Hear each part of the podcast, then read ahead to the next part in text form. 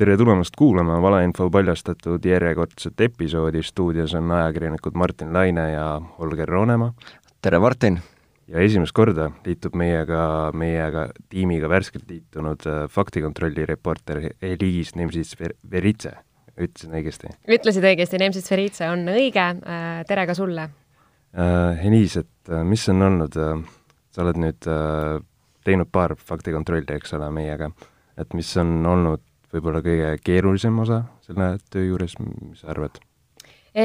tasub öelda seda, et kogu see maailm on nii lai ja suur ja faktikontrolle on maailmas väga erinevaid ning nende, nende organisatoorne taust on ka väga-väga erinev. mistõttu on ähm, kogu see sissekargamine faktikontrolli maailma väga põnev olnud ja väljakutsuv võrreldes sellega, mida ma varasemalt on teinud, mis on uudiste kirjutamine, on faktikontrollide loomine, mis võib-olla nendele inimestele, kes on need teavitused saanud, kes neid faktikontrolle Facebookis äh, siis näevad, kuhu see töö läheb. Ähm, see on tunduvalt keerulisem, arvestades seda, et sa pead äh, igat fakti, mis sa sinna kirja paned ja neid allikaid korduvalt üle kontrollima, ma ei taha öelda, et ajakirjaniku töö või reporteri töö uudiste kirjutamisel kuidagi seda ei eeldaks, aga sa pead võib-olla nagu enesedistsipliini tekitab just, see rohkem. just, just, just. ja seal on niisugused, noh, me omakeskis ju räägime ka iga, igapäevaselt nende niisugused filosoofilised arutelud, et miks ja kuidas ja kas ja ja kas ikka on vale, et võib-olla tundub see väljaspoolt hästi niisugune lihtne ja kuidagi mm, et me nagu lajatame neid faktikontrolle väga-väga mõtlematult, aga tegelikult see üleüldse niimoodi ei ole. just see, täpselt, et see sildistav osa, et sa pead panema sinna selle sildi ja sa võib-olla sellega teed kellegi väga õnnetuks või kellegi väga pahaseks. aga, aga vastupidi, et, et teinekord juhtub ka, et sa teed kellegi, kellegi õnnelikumaks või, või rahulikumaks, et meil on ka näiteid, küllap me jõuame saate jooksul ka, ka rääkida, et kus needsamad äh, väljaanded näiteks või, või autorid, kelle juurde me oleme sildi pannud, on äh, natukene aega hiljem saatnud meile meili, et, et kuulge, et me nüüd parandasime ära ja, ja et aitäh teada andmast. ja et see ju tegelikult on üsna ideaalne on tulemas, kui, kui järgneb ka mingi reaktsioon selle poolt, kes seda infot äh, levitab. aga tänases episoodis tegelikult faktikontrollist räägimegi, sellepärast et me oleme seda teinud nüüd kaks kuud ja kolm, kolm, jah, et äh, ja on välja joonistanud võib-olla juba selline profiil ja kaardi, on võimalik kaardistada, et mille kohta siis eestlased kõige rohkem sotsiaalmeedias luiskavad. ja kui me võtame selle arhiivi ette enda, seda on ju kõigil võimalik vaadata ka Delfi kaldkriips valeinfo, eks ole, et kui me vaata-, vaatame seda arhiivi, siis äh, joonistuvad välja äh, väga suures osas meditsiinivaldkonna teemad. Ja sellel on otseselt äh, põhjus taga ka selles, et äh,, et koroonakriis oli äh, suures osas äh, meie fakti kontrollimise perioodil, seetõttu oli see valdkond juba niigi äh, esirinnas, aga äh, aga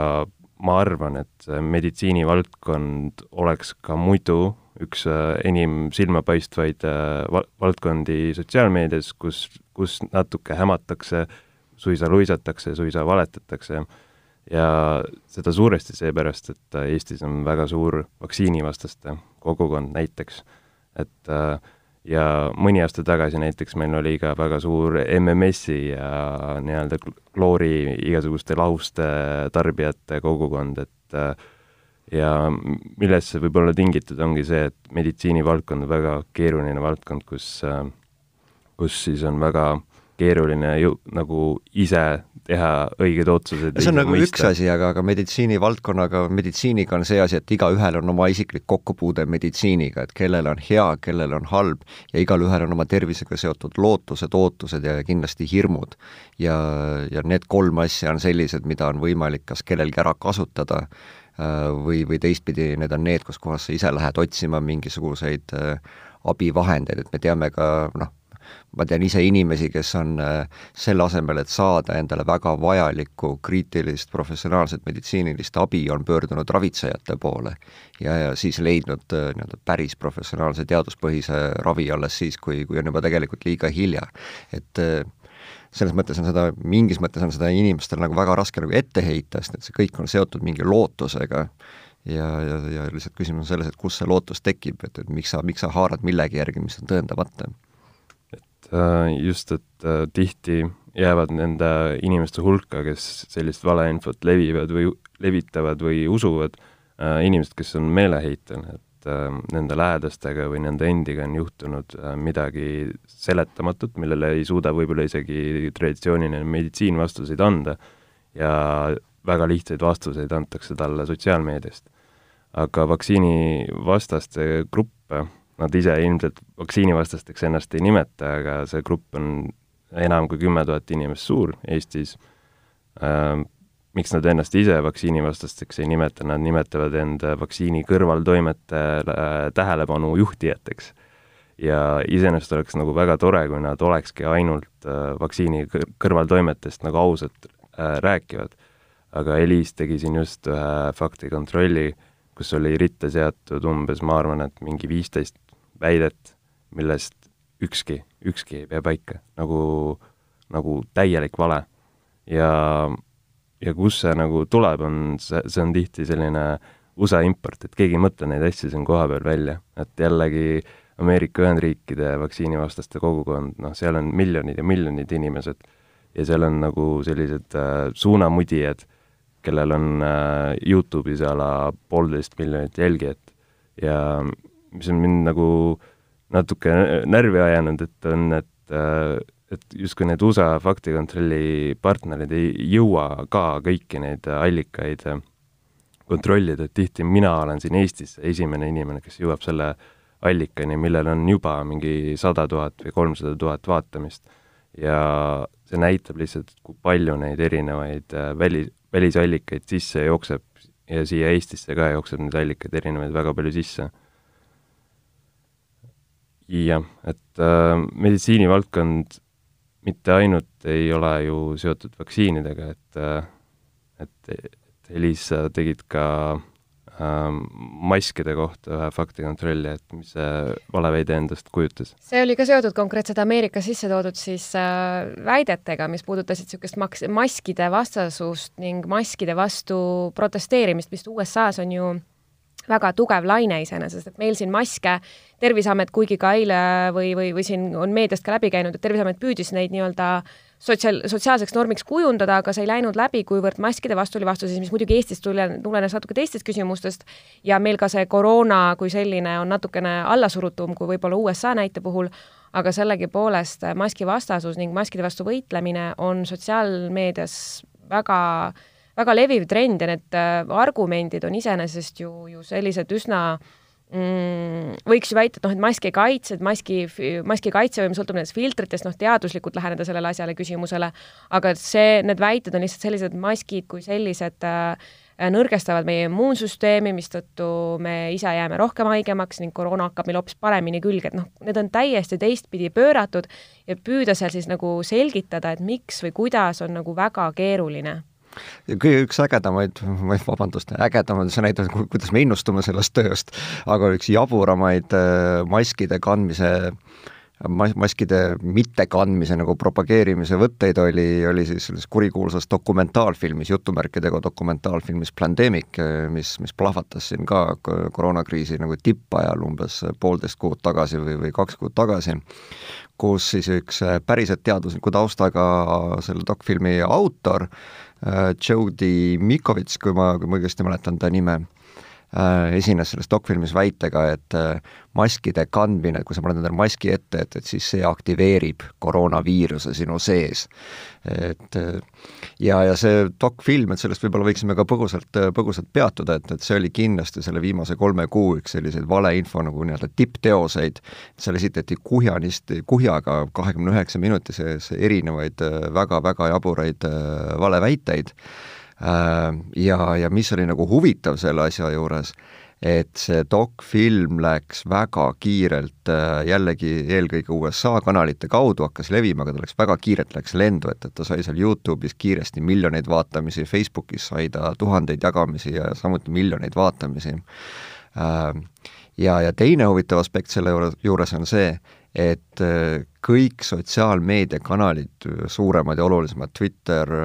Youtube, Facebook, Vimeo, hakkasid väga kiirelt äh, võitlema äh, selle, selle dokfilmi leviku vastu, nad võtsid erinevaid üleslaadimisi oma, oma keskkonnast maha ja nii edasi. ja, ja tegelikult see töötab, et see, see plahvatus, Plandemicu plahvatus oli selline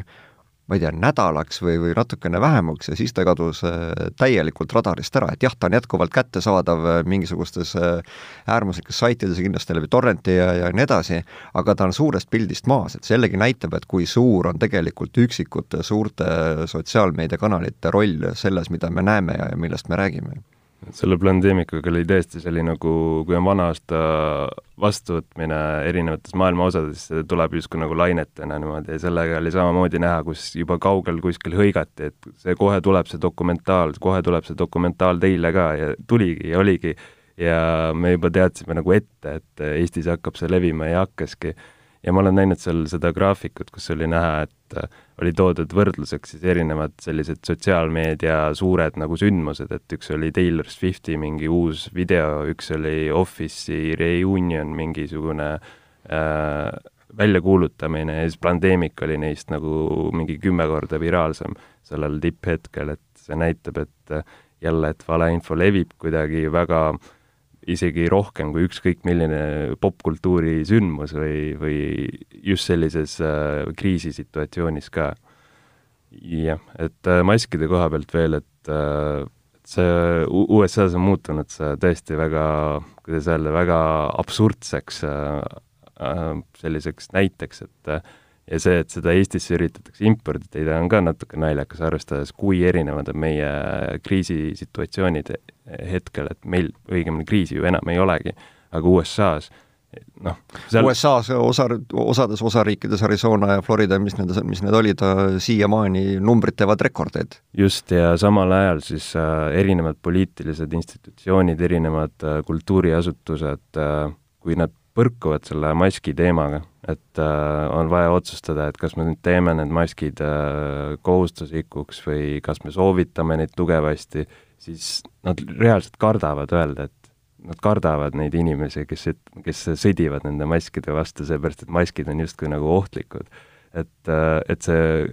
subkultuur seal USA-s on nii mõjuvõimsaks muutunud. see on nagu ühes, ühes nii-öelda maakonnas äh, nii-öelda kohaliku meie Terviseameti ekvivalente, eks, et, et selle juht oli sunnitud ametist tagasi astuma, kuna ta sai maskide kandmise vastastelt äh, tapmisähvardusi reaalselt. ja täna hommikul just lugesin pressiteadet, AMC äh, suur kinokett teatas, et nemad ei tee enda maske, endale maske kohustuslik, kartes, et see on lihtsalt liiga poliitiliselt laetud teema. aga no millest see tuleneb, ma arvan, on väga suures osas jällegi see, et, et mida me koroonakriisiga või epideemiaga seostame, igaüks, millega me kokku puutume, on maskid. et me kõik teame, noh, väga suur osa meist on, on kandnud maske, väga, väga suur osa meist kannab maske igapäevaselt ja on sunnitud kandma ka, ka oma töö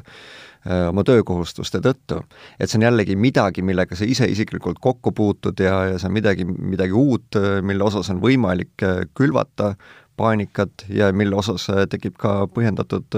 noh, teinekord õige on küsida küsimusi, eks, aga, aga, aga sa oled natukene vastuvõtlikum jälle sellele. et Martin, kas olid sina ise, kes tegi eelmisel nädalal faktikontrolli või üle-eelmisel nädalal väitele, et lapseootel naistel äh, Äh, naistel on maski kandmine kahjulik, kuna nad saavad äh, vähem hapnikku, et ja see jõuab verre. et äh, jällegi selline noh, hämmastav on see just, et äh, et, et, et kui me siin kaardistame erinevaid inimesi, nagu me ütlesime, et nagu justkui paneme silte külge, et äh, et me ei arva, et need inimesed nagu on halvad inimesed või pahatahtlikud inimesed, need kindlasti ei ole või ma, ma ütlen, Eestis põhimõtteliselt ei olegi äh, sellist valeinfo levitajat, kes oleks pahatahtlik, nagu meile siiamaani kuude jooksul nagu tegelikult silma jäänud, et on selliseid äh, kelle puhul on alust jah kaht-, kahtlustada, et ma ei nii julget väidet ei teeks. et mul tuli just praegu jah pähe Jaja Kraht ja tema muinasjutumaailm, aga aga jah, on selliseid nõidehad ja kes, kes siis nagu natuke saavad sealt ka majanduslikku kasu sellest, mis nad teevad, et, et ja Jaja Krahti puhul oli see, et ta kutsus üles inimesi rega-, registreerima end el elusaks inimeseks ja sealt keegi sai hunniku andmeid tegelikult nendelt inimestelt kätte. aga jah, et ka, et selle Jaja Krahtiga seoses me ju vestlesime ka nende inimestega, kes teda uskusid, eks ole, ja kui me neid küsitlesime, siis nagu nende, kuidas öelda, nad kuidagi ütlesid, et et et äh, tegelikult ma nagu väga ei usugi, aga ma noh, igaks juhuks jagasin, igaks juhuks like aga, see ongi inimeste enesekaitserefleks, et äh, kui sa ei ole endas kindel ja siis tuleb sinu käest keegi ajakirjanik küsima, et, et miks sa seda teed, et siis alati on noh, lihtsam ongi öelda, et jaa, nalja pärast, et, et ka seda ei, ei pruugi alati nagu täis, täis tõeväärtusega võtta. jah, et äh, aga enamik valeinfot siis jah, pärineb välisallikatest, nagu me ütlesime, ja, ja väga palju on seda meditsiinivaldkonnas, nagu me ütlesime, ja seda meditsiinivaldkonda kontrollida on väga keeruline, seepärast et see nõuab tohutut äh,, äh, tohutult äh, keerulistes äh, teadustöödes äh, ole, nagu end sina peal olemist, et et see ja see on võib-olla ka see põhjus, miks on seda ka tavainimesel väga raske kontrollida, kui keegi ütleb näiteks, et vaktsiinil on steriliseeriv mõju, siis siis selle kohta tegelikult on olemas erinevad teadustööd, mis selle igati ümber lükkavad, aga kas keegi oskab meditsiinivaldkonna teadustööd niimoodi lugeda, ja noh, selles mõttes ilmselgelt ju kõik noh, vähegi pädevad osapooled üt-, võivad seda ka ise kinnitada, kes, kes nendes orienteeruvad, aga äh, kuidas öelda, et see, kes valeinfot levitab, tihti on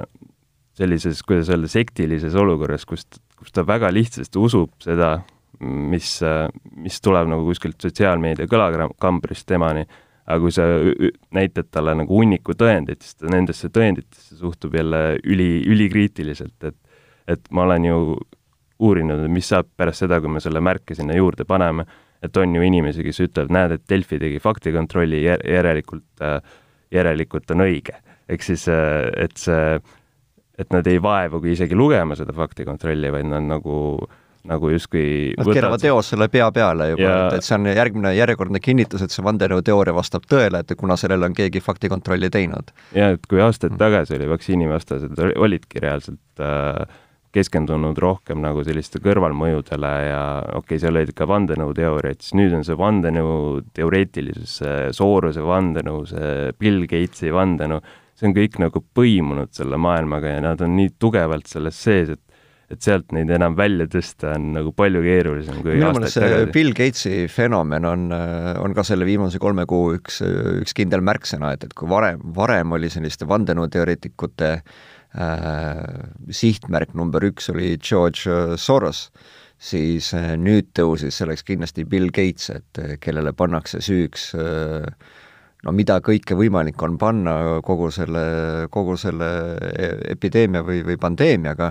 alates sellest, et see on tema loodud, tema teenib selle vaktsiinide pealt, on üles loetud, kui palju, kui palju sadu miljardeid dollareid ja nii edasi. Äh,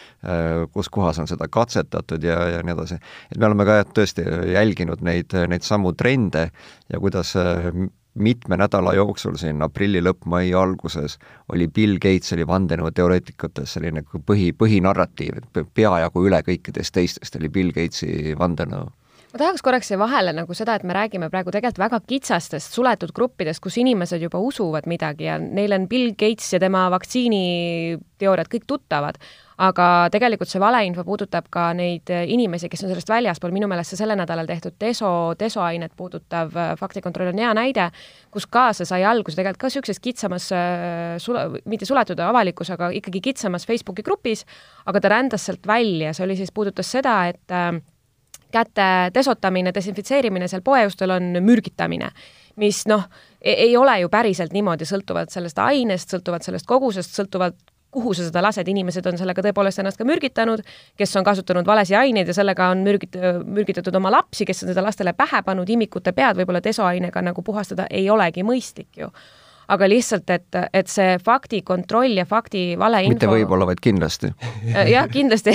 et ta ei levi ainult nendes kitsastes gruppides, et see puudutab ka neid inimesi, kes äh, sellest väljapoole jäävad, sest et see oli näiteks niisugune konkreetne näide, mis läks ka väljapoole rändama, et võib-olla kui koroonaviirus on kindlasti steriliseeriva aine, steriliseeriva toimega ei jõua nende laiema sihtgrupini, siis niisugune desoaine vastasus jõuab kaugemale, sest et erinevalt nendest maskidest, sellega puutub Eestis ju elav tarbija igapäevaselt kokku. aga see ongi tegelikult väga suur osa nendest äh, vandenõuteooriatest hakkabki levima nii-öelda mainstream'i äh, läbi erinevate äärmuslike keskkondade. et ükskõik, kas me räägime siin tervisega seotud teemadest, poliitilistest teemadest, ma ei tea, jah, maailma valitsemise teemadest, aga, aga nad levivad kuskil, noh, ma ei tea, hakkab jälle USA poolt hakkavad nad tihti tulema, mingi 4chan, 8chan, QAnon ja, ja, ja, ja nii edasi hakkavad nendest levima, siis võtab neist üks selline natukene vähem radikaalne portaal, Facebooki grupp, kogukond võtab üle, võtab teine ja ta hakkab järjest enam nagu sellisesse laia mainstream'i, main, mainstream'i ronima. ja sellepärast ongi mul väga hea meel, et või väga hea näide, et, et mismoodi see Plandemic sai kiirelt maha nendest, enne kui ta jõudis ikkagi nagu päris mainstream'i, et äh, ma olen suhteliselt kindel, et õnneks väga suur osa meie podcasti kuulajatest ei ole seda Plandemikut äh, näinud ja võib-olla mõtleb, et, et millest kurat te räägite praegu siin. jah, et äh, absoluutselt õige tähelepanek, et äh, seda ju üritataksegi ära hoida, et äh, et kui meil on sellised nii-öelda lootusetud juhtumid, mis ma loodan, kes äh, saavad ka kriitikameelt juurde meie faktikontrollidest siiski, aga aga kindlasti on es esmane eesmärk ikkagi nendest kinnistest gruppidest väljapoole ära hoida seda levikut ja ja mis äh, ühendab näiteks maskidega seotud mingisuguseid valeinfosid ja näiteks sellesama desoainega, on see, et seal on ka mingi hästi, hästi kübeke, mingisugune tõeraasuke on sees, eks ole, et nagu, nagu nende desoainete puhul oli, et et jah, et kui sa lased seda õhku ja hingad sisse, siis see on ohtlik ja Terviseamet tõesti sellekohase äh, sellekohase niisuguse pöördumise tegi, aga siis seal on nagu vinti juurde keeratud, et äh, nagu no, korra... E-, esitatakse kategoorilisi väiteid asjade osas, mis, mis ei ole kategoorilised. just, 5G puhul näiteks, äh, mille ma tahtsin ka ära mainida, mis on ka olnud väga suur motiiv kogu selle koroonakriisi ja järgse perioodi vältel, mis on ka tekitanud oma sellise ki-, noh, kiirgusvastaste grupid on ka olnud alati olemas, aga nad on saanud selle kriisiga jälle tugevamaks. Ja seal samamoodi, et on ju teadlased, kes kinnitavad, et, et see mobiilikiirgus, et sellel on teatav mingisugune mõju, aga selle mõju tugevus on see, millega siis mängitakse, et et ilmselt on näiteks päikesekiirgus meile palju ohtlikum kui... no siin see vahe, ma ütleks kohe, on see, et, et päikest sa ei saagi kinni keerata, aga miks sa pead seda 5G-d siis meie ümber panema siia iga koolimaja katusele? just, ja aga jälle selle 5G puhul on jälle eksitav see, et äh, kuidas see erineb näiteks 4G-st ja siis on jälle loodud mingisugused konstruktsioonid, et kuidas see 5G on nii palju jubedam kui 4G. jah, no see on sama, et nagu tegelikult, ma vabandust, ma tulen kogu aeg paralleelidega sisse, aga, aga ka röntgeniuuringul käimine on tegelikult sulle ohtlik. kui sa viibiksid äh, kõik päevad läbi röntgeniruumis selle kiirte käes, et, et siis ei oleks sulle üldse mitte hea. ja ku-, kuidas sa siis nagu faktikontrollijana kontrollijana lähed siis ütlema, et näed, et ei, see on täiesti ohutu. ei olegi, et noh, seal on mingisugused ohud, seal on mingisugused teadmatused, millegi ohutust äh, kinnitada teaduslikult on võimatu, sa ei saa millegi mitteeksisteerimist tõendada teaduslikult, sa saad tõendada seda, mis on olemas või mis on see reaalne mõju ja teine on see, et noh, mobiilikiirgus äh, ei ole eksisteerinud meil tegelikult nii kaua, et me saaksime ühe elutsükli jooksul nagu teada, et kuidas see inimestele mõjub, eks ole. ja kõikide nende teadmatustega, kõikide nende küsimärkidega mängitakse nii, et täidetakse ise need lüngad siis ära, eks ole, nii, kuidas nagu vajalik on, ja sellest siis tekib selline uus tõde ja, ja mida on lihtsalt, palju lihtsam uskuda kui mingisugust määramatust, et selline äh, määramatus on täpselt see äh, võib-olla märksõna, mis kipub nagu uut äh, valeinfot tekitama. aga nüüd me oleme oma esimesest lainest äh, üle saanud ja kõik ootame kannatlikult ja õrnalt hirmunult seda, mis toob äh, väidetav, oodatav sügisene teine laine. et mis teie hinnangul võiks see nüüd olla, et milleks me peaksime ka valeinfo alal teise laine puhul valmis olema? No kindlasti on umbusk nüüd uute nende äh, piirangute osas palju suurem, et äh, palju raskem on neid uuesti läbi viia. ehk siis äh, noh, kindlasti on, tulevad need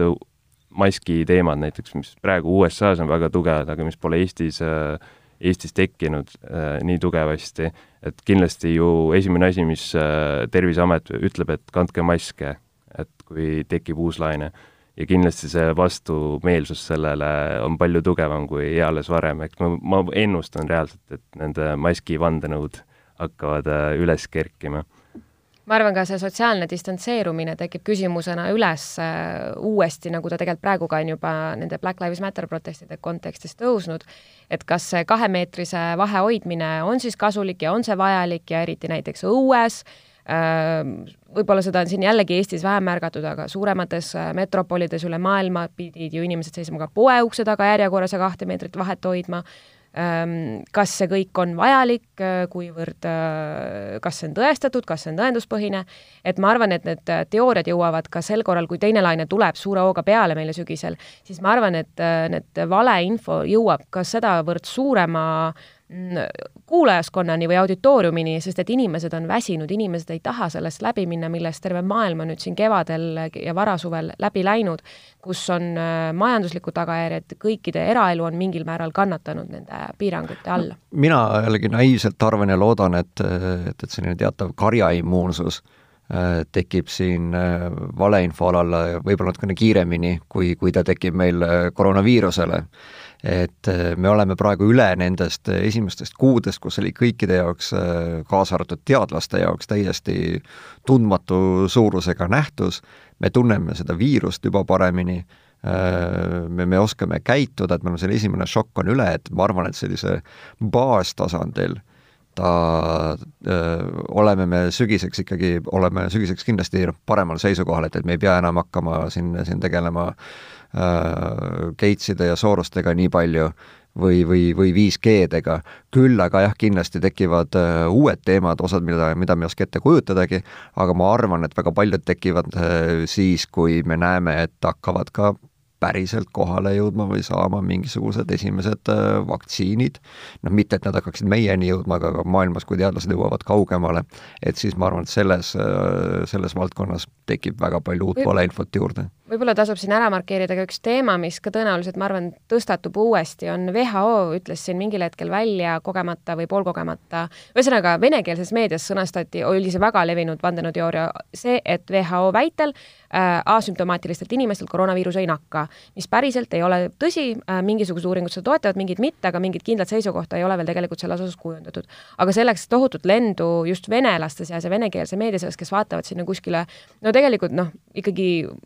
institutsioonide poole, mida võib usaldada Äh, aga kuivõrd ähm, organisatsioonid, nagu on ka koroonaviirus muudes valdkondades tõestanud, on aeglased, nende reaktsioonikiirus on aeglane, olnud kohmakas, siis seda tüüpi asju võib ka väga palju sügisel tulla. ja lõpetuseks ütleksin, et äh, üks suurimaid valeinfo,